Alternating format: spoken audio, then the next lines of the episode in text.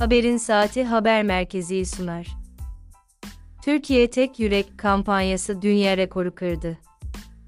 Depremzedelerin yaralarını sarmak için düzenlenen ve Türkiye, Azerbaycan ve KKTC'de 213 televizyon kanalı ve 562 radyonun canlı yayınladığı Türkiye Tek Türkiye rekor kırdı.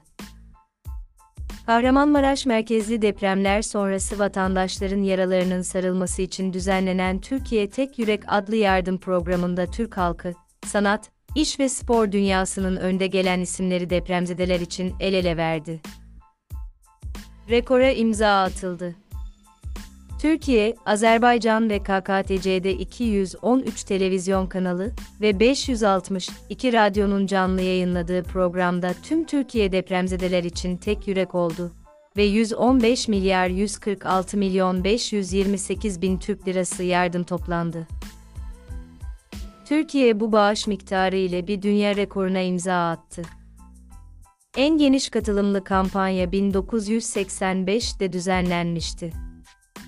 Dünyada yardım için en geniş katılımlı canlı yardım kampanyası 13 Temmuz 1985'de yapılmıştı. Amerika Birleşik Devletleri ve İngiltere'de eş zamanlı gerçekleştirilen etkinlikte iki şarkıcı Bob Geldof, Midgeure sahne almıştı. Etiyopya'daki açlığa yardım fonu toplamak amacıyla düzenlenen etkinliğe Londra'da 72 bin, Amerika Birleşik Devletleri'nde 100 bin kişi katıldı. Aynı gün birçok ülkede de konserler düzenlendi. 1.9 milyar insan izledi, 127 milyon dolar toplandı.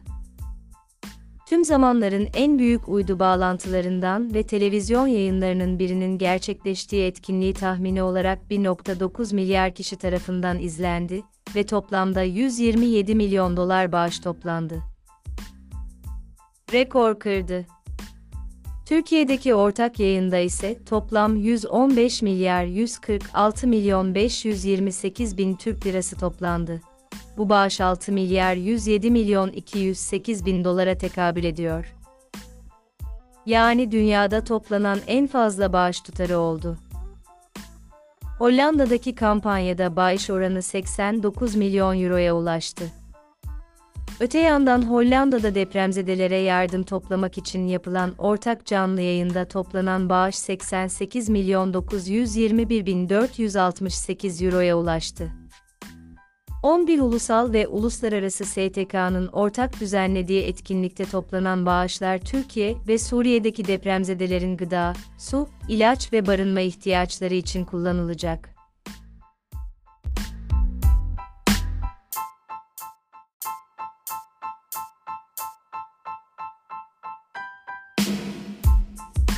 Haberin Saati haber sunar. Almanya'da Hanau'daki ırkçı saldırının kurbanları unutulmadı.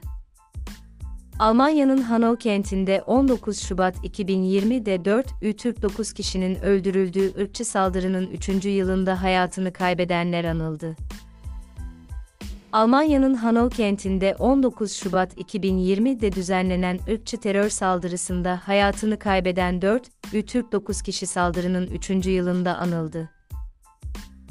Hanau ve Dietzenbach mezarlıklarında Yasin-i Şerif okunmasıyla başlayan anma törenine, Türkiye'nin Frankfurt Başkonsolosu Erdem Tunçer, saldırıda hayatını kaybeden kurbanların yakınları, sivil toplum örgütlerinin temsilcileriyle çok sayıda kişi katıldı. Irkçı saldırıda hayatını kaybedenlerin mezarlarına çiçek bırakılırken, Hanau'daki Marktplatz meydanında ise resmi anma töreni düzenlendi. Irkçı saldırıda hayatını kaybedenlerin yakınları, özür beklemediklerini, icraat beklediklerini ifade ederek, Ukraynalı mülteciler için gösterilen kolaylığın kendileri için yapılmadığına vurgu yaptı. Siyasilerin yapması gerekenleri yapmadıkları için ırkçıların cesaretlendiğine dikkat çekildi. Anma töreni kapsamında farklı milletlerden kişilerin oluşturduğu Hola isimli tiyatro grubunun Ötekiler isimli oyunu ile gençlerin maruz kaldığı ırkçılığa ve ötekileştirmelere değinildi. Kaybımız ve acımız hala çok büyük. Frankfurt kenti yakınlarındaki Dietzenbach kasabasında defnedilen Sedat Gürbüz'ün kabri başında yapılan anma töreninde konuşan Başkonsolosu Tunçer, Almanya'nın ırkçılıkla mücadelede büyük bir acının 3. yıl dönümünde çok daha büyük bir acılarla sarılmış bir biçimde anma etkinliğini yaptığı belirtti. Başkonsolos Tunçer, Hanau'daki katliamın 3. yıl dönümünde çok derin duygular içerisindeyiz. Kaybımız ve acımız hala çok büyük.